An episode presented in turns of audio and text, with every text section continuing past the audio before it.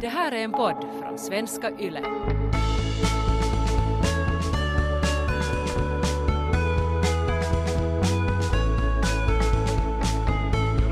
varje vecka. Att liksom sätta oss ner och prata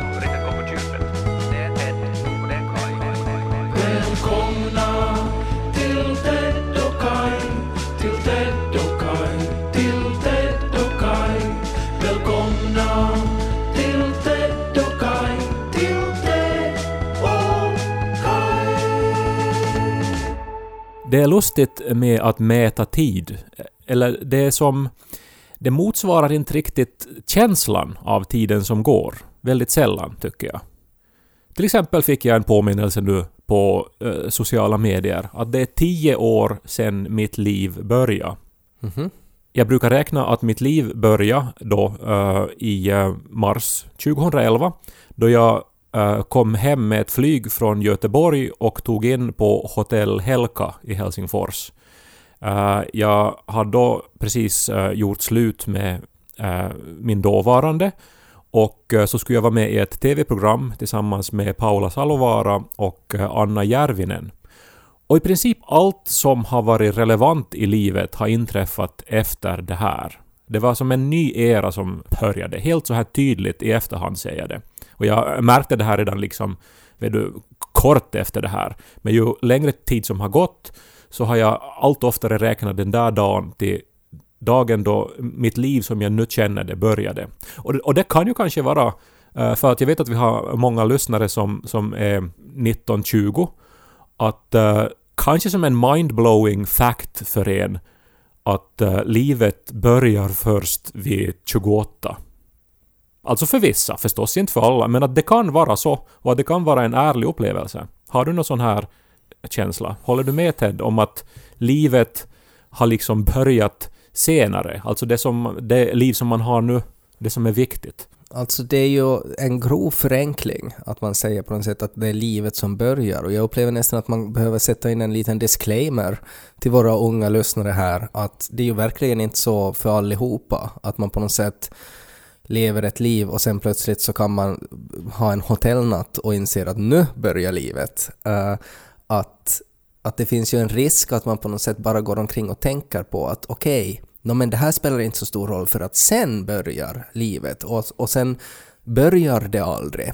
Ja, Och, och sen är man, är man 65 och väntar på att livet ännu ska börja och sen har man på något sätt missat en stor del och sen visste man inte att alla dessa dagar som kom och som gick, att det var själva livet. No, men nu förutsätter jag ju att människan är aktiv och tar tag i sitt liv och är nyfiken och vill pröva saker. Och att man träffar Anna Järvinen ibland. Nej, no, det var kanske inte det här viktiga som hände, utan det var ju mera som det här skedet i livet och så här och, och, och någon sorts mognadsnivå som jag uppnådde. Men, men nog kan det väl också vara förtröstansfullt det här, för att man är också när man är ung så är man så här att ja, det nu, nu måste jag liksom göra det som ska vara viktigt.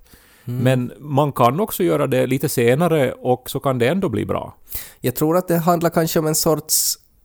Ja, alltså om man ser på det. Jag skulle kanske se på det utifrån en sorts psykologisk mognad. Att det kräver... Det krävs en viss tid för att kunna få distans till, till kanske saker man har varit med om som är jobbiga. Eh, och, och att kunna få perspektiv på vad som sen är viktigt och vad som faktiskt betyder saker. Och att det kanske är i en äldre ålder än vad man skulle tro som man på något sätt inser att men, nu kan jag släppa det där. Den där jobbiga tanken som jag har haft med mig i en stor del av mitt liv, att jag aldrig kom in på den där utbildningen eller att, att jag aldrig blev ihop med den där människan. Alltså att man på något sätt får en sorts en, en inre tillfredsställelse, att nu kan jag liksom lämna det här bakom mig och blicka framåt. Det skulle jag kanske sätta, det, det skulle vara liksom närmare mig en sån här att nu börjar livet, att nu kan jag liksom släppa mitt bagage eh, och, och, och liksom blicka framåt istället. Ja, no, det där är också ett, ett jättefint sätt att se på saken. Men det var inte egentligen det här jag skulle prata om, utan det handlar mer om det här hur man uttrycker tid och hur, och hur det känns. Att just det här att det är ett tio år sedan i det här fallet, så jo, jag kan på något vis omfatta att det är liksom ett decennium som har gått. För att det känns som att jag har nog hunnit med helt jävla mycket. Och samtidigt så känns det ju som att det ändå inte var så jättelänge sedan. Men ändå, jag som köper att det är tio år sedan. Men överhuvudtaget det här när man ska uttrycka tid som går, och speciellt i litteraturen, så, så har man som... För språket är så jättedåligt på det här. För att det är, som, det är ju som en så emotionell erfarenhetsgrej, det här att tiden går. Nu håller jag till exempel på att läsa en roman Eh, av Kerstin Ekman som heter Händelser vid vatten, som jag kan rekommendera. En, eh, en bok som säkert jättemånga har läst för den kom ut redan på 90-talet, men jag, jag hade inte läst den förrän nu och den är jättebra fortfarande. Uh, och där så är det liksom två tidsperspektiv. Det det som hände då och det som hände 18 år senare. Och liksom det, det utspelar sig på en liten ort och man märker liksom att tiden har gått för att uh, de här husen har liksom Eh, uh, no, åldrats och uh, kalhyggen har växt liksom och blivit i skog och, och så vidare. Och, och jag upplever att Kerstin Ekman på ett rätt så bra sätt får fram känslan av att nu har tiden gått. Men som ofta så är det som att ja, tio år senare så resonerar inte emotionellt för en när man hör det.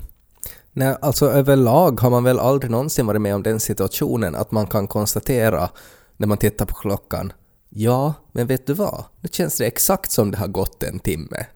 Eller sådär att, att nu känns det exakt som att ja, men det var precis en vecka sedan. Att det är ju aldrig den korrekta upplevelsen på något sätt. Att det är ju alltid sådär va? Bara en timme? Eller va? Redan en timme? ja, men, men speciellt när det handlar om längre tid. För det är ju det att man kan ju få panik när man inser att det var fem år sedan min senaste bok kom ut. Fem år! Hur kan det vara så, lång tid? En stor del av livet. Det är för komplext helt enkelt, alltså det är för många saker att beakta. Eh, ett liv innehåller för mycket, så att det går det, liksom på något sätt att det skulle finnas e- en kronologisk tråd som man kan direkt liksom känna av, så det funkar, det går ju inte, vi är för dumma för att känna av det. Men jag är glad att du sa sådär, för att jag tror att jag nu har löst det språkligt sett. Jag, jag tror att jag har hittat ett nytt sätt att mäta tid eh, via ett språkligt uttryck. Och att det kommer att på något vis förändra vår upplevelse av vad vi har upplevt och vad vi har varit med om och att vi har faktiskt utvecklats. Och det har att göra med att jag köpte eh, salt igår. Mhm. Och, och, och det gör man ju väldigt sällan. Ja, det beror på.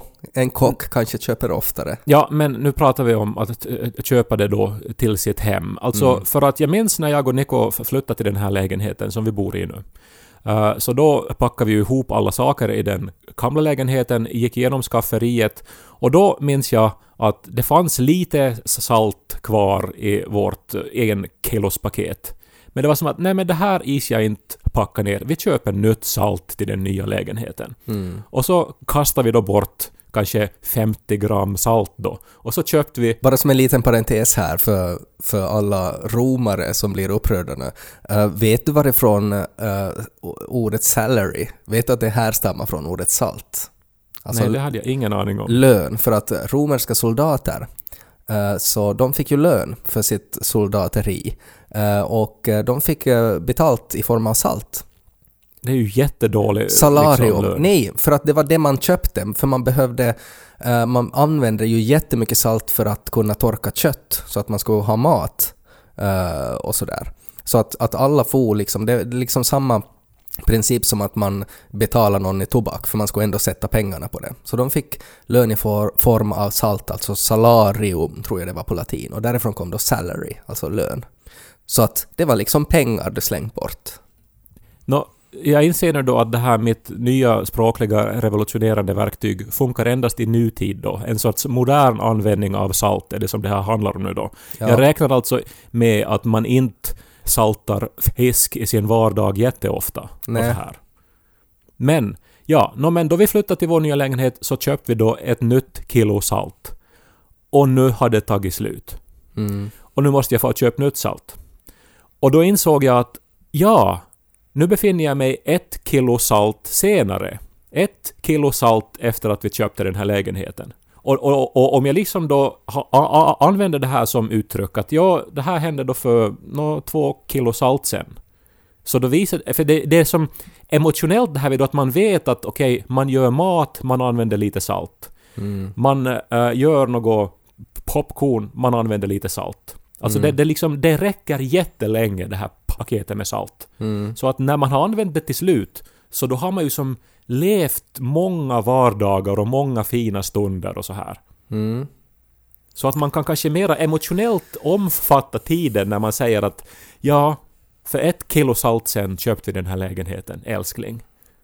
Ja, alltså det är, nog, det är jättebra. Alltså du kan nog helt klart använda det liksom i, i en roman. Nej, jag siktar ju på att det här ska bli allmänt i språket, att det här ska bli det nya sättet som man pratar om tid. Ja, nej men det funkar inte riktigt för att det är ju liksom tid handlar ju så mycket också om känslor, alltså att, att man sju svåra år, alltså sådär att ett, ett jobbigt år så är ju betydligt längre än ett liksom ett trevligt år. Och jag upplever att det där är inte riktigt det blir... Nej men tänk bara om du har haft ett sånt år som har inneburit betydligt mera franskisar och popcorn än vad du vanligtvis brukar ha. Alltså att du har konsumerat mera salt ett år för att du har varit i emotionellt behov av comfort food på en helt annan nivå. Och plötsligt så är liksom ett kilo salt slut på en månad. Men då har du ju fått allvarliga antagligen hälsoproblem av att ha ätit så mycket salt. Alltså Ja. det är ju ett gift salt i för stora mängder. Man använder ju det per definition liksom eh, sparsamt. Ja, men det är ju gott också. Nam nam. Nej, nej men inte i för stora mängder. Här, Nej men jag tycker, att det, jag tycker att du sätter ganska hårda krav på det här att man ska använda det som ett universalbegrepp för tid och på något sätt att saltanvändningen ska vara konstant. Det händer ju saker under ett år. Kanske du har en femåring som vill göra ett experiment som kräver karamellfärg och ett halvt kilo salt. Nej, okej, man borde eventuellt då prata om vet du, bordssalt eller någonting som man bara använder vet du, till maten. Alltså inte så här att, något, vet du, att man gör ett trolldeg av det hela, för ja, då kommer det att gå mera salt. Men du förstår vad jag menar nu, alltså det, det är någonting med att det går så långsamt och att det som sker via vardagen, det, här, det här förbrukningen. Det, det, ja, uh, hmm, det, det är inte helt universalt. Alltså jag tror alla har inte det där förhållandet till salt. Alltså, för att om du till exempel tycker om popcorn och franskisar så då skiter sig, då, fun, då funkar inte det där. Att det måste vara någonting som också beaktar liksom eh, mentala tillstånd. Alltså hur är det med dammsugarpåse till exempel? Att eh, det här hände då för två påsar sen. Ja, Ja, men det beror ju förstås på liksom hur stor ens bostad är och, och hur ofta man dammsuger och, Mm. och, så vidare. Att... eh, Men du, du vill ändå hitta någonting som är förankrat i ett sorts beteende eller till en sorts rutin. Som man, som man också, alltid när man använder det här saltet så får man en sån här påminnelse om att oj, ja, jag har nog mycket salt kvar. Det är nog länge tills jag måste ha mer. Så att att också en sån här konstant påminnelse om att det finns mycket, det här räcker nog länge ännu. Alltså att man använder det så lite att man på något vis glömmer att det är någonting som man också måste köpa. För det är någonting som på något vis finns i bostaden. Lite som elektricitet ungefär. Som man ju också förstås betalar för och så vidare. Men ändå så här, man, man tänker inte på salt som någonting som som, som, som måste liksom hämtas hem nej, från affären. nej, men vet du vad? Nu har, nu har jag lösningen. Alltså nu har jag, nu har jag förfinat det. Alltså att, att du var ju Wozniak, men att nu kommer jag in som Steve Jobs här och tar det du hittar på och förfinar det. Här är, här är en, ett, en bättre metod. Spiskummin. Fan. En krydda, en krydda som man har i kryddskåpet, men ytterst sällan använder. Hur ofta måste man köpa mera spiskummin? Nå, om man tycker om hummus så får det ju spiskummin en gång i veckan en sån här påse. Jo, men, det, men då måste man, om man lever i en sån kultur att man äter hummus varje dag, då måste man byta ut det här kryddan mot någonting som man inte använder varje dag. Men en liten krydda som är den där lilla burken som man ibland vid vissa högtider kanske plockar fram. Men hör du Steve Jobs, alltså det, det, min finess var ju att alla använder salt. Det är till och med livsnödvändigt att ha salt. Dessutom finns det jod i salt. Och jag vet vad som händer om inte man får i sig jod. Sköldkörteln typ exploderar, eller man får struma och så blir det fel på ämnesomsättningen. Och så här. Och det var därför man började sätta- Ja, jod men i din salt. teori så beaktar ju inte att man konsumerar salt olika, men jag tror att man skulle kunna hitta en krydda som ganska långt konsumeras av en, en vardaglig finländare liksom. eh, Ja, no, men då är det ju salt. Alltså för hur många finländare har en spiskummin hemma? Jag tror men min, min mamma hör just nu ordet spiskummin för första gången sitt liv. Då någon annan krydda då? Gurkmeja? Det är samma sak där. Alltså salt är ju ultimat. Jag vet, jag vet inte varför du försöker liksom Men för att salt förbättra... använder... För att salt använder man... Man använder olika det. Ja, man men, använder- den, men korkmeja använder man konstant. Ja, det känns som att vi har pratat om det här nu i eh, ett kilo salt. Här var en gång en Essebo och en Pormobo som till Åbo for till börja Radio Pleppo i lag som har valt i en podd idag. Hej! Snart kommer Ted och Kai, vi lyser med samma vi jagar haj. Ni till i fot så pop nu denna popcorn. Man köper alltså salt så sällan att man inte vet var det finns i affären heller. För att under den tid som har gått, under ett kilo salt, så har affären hunnit stänga och det har bytt ägare och det har liksom förnyats lokalen och renoverats. Och så vet man inte var då saltet finns. Så det tog ganska länge för mig att hitta saltet. Sen är det ju en väldigt ospektakulär del av, av affären. Det är ju inte en sexig hylla, salthyllan. Och, och så är det ju inte jättesexiga förpackningar heller. Jo, det finns så här flingsalt och sånt i fina himalayiska rosa burkar också. Men det är ju inte det jag var ute efter nu, utan helt vanligt jävla joderat bordssalt. Men det som ju överraskar en då, när man till sist hittar hyllan. Gissa hur mycket salt det kostar. Det här som jag köper då en gång på fyra år. Oj, vad svårt. Eh, en sån här normal förpackningssalt, jag skulle kanske gissa att det är kanske 2,50. 85 cent. Och det är ju nog konstigt billigt det. Ja, det var nog billigt. Ja. För någonting som man måste ha och som man köper så sällan. Det, det måste ju vara som otroligt olönsamt att vara i saltbranschen. Men samtidigt så är det ju också en produkt som alltså vi kan, som vi liksom skyfflar fram. alltså att, att det, det ligger ju typ på stränder och så får man dit, tar det med en skyffel och sätter in det i en lastbil och så får det direkt till butiken. Jo, men det är ju som ändå på något vis, även om inte jag nu är kanske någon äh, jättestor fan av liksom kapitalism så här, alltså vet du, den oreglerade det marknaden. Men att här gör ju marknaden fel. Alltså för jag skulle ju helt bra betala 2,80, alltså 2 euro mer och jag skulle som inte reflektera över det. Jag, jag skulle kunna betala 5 euro för ett kilo salt och, och, det skulle som inte vara så här att nej men det här var nog nu så dyrt att nu, nu är vi nog utan salt. För att man köper det så sällan, det kan gott och väl kosta mer än 85 cent. Och det, på något vis, det, det, det är som en produkt som också här beter sig konstigt. Det finns ju också en massa myter och skrock kring salt. Alltså det finns ju allt det här från att, att du aldrig ger saltet direkt åt någon annan utan du sätter ner det på bordet först och så får man ta det. Uh, och, uh, alltså mycket kretsar ju kring att man inte ska spilla salt. Att det är liksom, det, det eh, medför otur. Men det måste ju härstamma från det att salt är så värdefullt. Så därför så har någon pappa då lurat i något barn att, att liksom att, att inte kan du ju spilla salt för att det medför otur, för man kan inte säga att det är jättedyrt för att kidsen förstår inte konceptet med pengar, så därför måste man lura i dem någonting annat. Och sen finns ju nog förstås, du vet Döda havet är ju jättesalt, alltså Mm. det här, den här sjön i Israel. Och eh, det är ju för att eh, enligt Gamla Testamentet, där låg ju då Sodom och Gomorra, Mm. alltså de här städerna, som de hade Pride 365 dagar i året i. Mm. Det, var, ju- det, det var ju så otroligt mycket eh, bögsex där. Ja. Och, och liksom det, det, det var ju fest i varje hörn och, det var liksom, man kunde inte sova för det var det techno vet du. Mm. Och sen så blev ju Gud förbannad då och, och skulle förstöra städerna. Och så sprang ju då eh, den här enda eh, rättfärdiga människan då, Lot, tror jag han hette. Mm. Så, så, så flydde ju från stan då innan Gud förstörde det roliga. Det, bara, bara som en liten parentes, att, att han var liksom då den enda rättfärdiga. Är det inte lite misstänksamt det? Att liksom att "Nå, jag skulle bara, jag skulle bara, alltså jag, jag skulle ha en sån där sladd som de säljer i en butik där i Gomorra. En sån där, en sån där mikro-USB som är jättesvår. Och så, jag hade köpt den och så råkade jag se att de hade eh, någon sån här skylt som jag gick in på dit då. Och eh, na, fullt med nakna karlar. Och jag var, så, jag sprang ut! Alltså det, man hör ju att det där är liksom... Det är ju Ja. bullshit det där. Han var ju eh, Ja. lika, lika orättfärdig som alla andra. Ja, nu är det ju faktiskt märkligt att just alltså, att det bara var en människa där som var totalt ointresserad av det som pågick överallt i stan. Ja.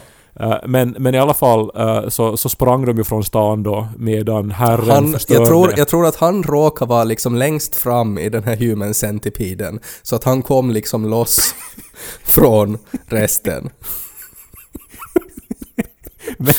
Men hans hustru vände sig om för att se en sista gång på, på, det här, på, den, här, på den här stan. Säkert va, ville hon få en sista skymt av någonting som hon just hade lämnat i all hast motvilligt. Och, och, och, och då förvandlades hon till salt. Ja. Och, och, och så blev det då Döda havets uh, salthalt av, av det då. Hon var ganska stor om hon liksom, att hon gjorde ett helt hav eh, så här blev saltigt. Men det är ju, alltså salt har ju haft en jätte, alltså det har ju betytt jättemycket för mänskligheten också. Alltså för det är ju alltså, hela värdet i salt kommer ju i det att om du saltar mat, alltså att du kan bevara mat genom salt, så då betyder det att plötsligt kan du äta året runt, också när du inte har tillgång till eh, liksom Ja, att inte bara på sommaren utan att också på vintern så kan du äta. Och det är ju det som, därför salt har varit så viktigt. Jag minns jag läste i en, eh, i en, i en fin roman som hette Onda boken. eh, för några år sedan läste jag den. Mm. Och där fanns det en passage som handlade om skam. Och där påstods det då att, att skammen är en saltlag som bevarar sina omständigheter i, hur länge som helst. Det tyckte jag var, var nog otroligt välfunnet och, och bra sagt av den här Mm. författaren, tänkte jag. Du, när man upplever skam så då, då, då den situationen stannar kvar i en liksom Mm. så, så otroligt länge. Mm. Som om den skulle vara satt i saltlag. Ja, nej, det är en jätte... Jag måste vara en väldigt duktig författare att, att hitta på så fina metaforer. Ja, om jag bara skulle minnas vad han hette, det var något så här invecklat namn mittemellan finska och svenska och en massa bindestreck och skit.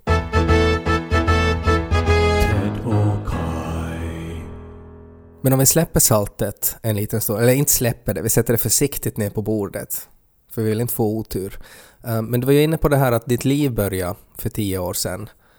Jag börjar fundera att, eh, att hur känner du nu inför det att, att om du just nu befinner dig i en dåtid för framtidens Kai, eh, att tänk om, om framtidens Kai säger om tio år att ja, att det är först nu som mitt liv börjar. Att tror du det finns en sån möjlighet eller kom, är det liksom att du är helt bombsäker på att det var nu ditt liv började och det här kommer inte att förändras? Du ska ta det där med en nypa salt, Ted. Det här... Men för att jag menar ju nog, alltså inte var det ju som att, att allt som hände innan jag var 28 var, var, var, var onödigt och, och, och värdelöst. Verkligen inte. Men att det aktuella liv som jag lever nu så började för tio år sedan. Och så hoppas jag nog att det kan vara... Och jag kan anta till exempel att om jag skulle till exempel få barn så kanske jag skulle säga att den händelsen blev starten då för ett nytt liv. Att Mm. då kommer allt som hände innan det att kännas som en, ett, ett annat liv. Att det egentligen bara liksom delas in i segment. Att det inte liksom, för det är så starkt att säga att det var då mitt liv började, men att det var liksom, det var den här aktuella perioden av ditt liv började då. Ja, men alltså det som jag var ute efter där var ju den här känslan av att, att allt det som var viktigt liksom innan det där, så uh, mycket av det så är inte alls viktigt längre. Och att det blev andra prioriteter och, och, och andra människor och, och, och andra saker i livet som, som steg fram i rampljuset helt enkelt. Kan man också frambringa det där på något sätt artificiellt? Jag tänker att det skulle vara ganska skönt också att om man skulle kunna att man ska bara kunna bestämma sig. Alltså, eh, för jag tycker att nu under pandemin också så att det, man hamnar så lätt in i de här samma hjulspåren, både med rutiner, med hur man tänker, den här konstanta utmattningen av att saker och ting inte förändras. Eh, att skulle man kunna fara och köpa ett stort paket salt och på något sätt bestämma att nu startar jag ett nytt tidevarv här för mig som inleds med ett nytt paket salt eh, och nu bestämmer jag att nu börjar det här livet här och nu. Som kanske inbegriper en förändring man är ute efter. Det är förstås så här de borde marknadsföra och paketera salt. Som en portal in i ett nytt liv. Att man liksom, att, att det skulle bli synonymt med att man tar tag i sitt liv. Att man går och köper ett paket salt. Ja, det, jag, jag gillar det där och jag reagerar också på när du sa ordet portal, att salt har ju också använts ehm, ganska flitigt i ockulta kretsar. Alltså att om man till exempel vill prata med djävulen eller någon annan demon så lönar det ju sig att man sätter sig um, inuti en saltcirkel. Eh, att man strör salt omkring sig som en liten barriär eh, så djävulen inte ska komma åt en. Och det är också någonting som jag tänker skulle kunna vara jättebra info att sätta på de här saltpaketen. Alltså instruktioner om hur man frammanar Nej, hinnhålet. nej, nej, nej, alltså det utgår man från att de som skaffar det för det ändamålet, att det har de på klart. Men att bara sådär just in case, att visste du att salt är också en utmärkt barriär mot helvetets mörkaste demoner? Men nu ska jag Och för det. Alltså, det- 89 cent! Ja. Ja men salt har ju många, det har ju många eh, nyttiga, man kan använda salt till mycket.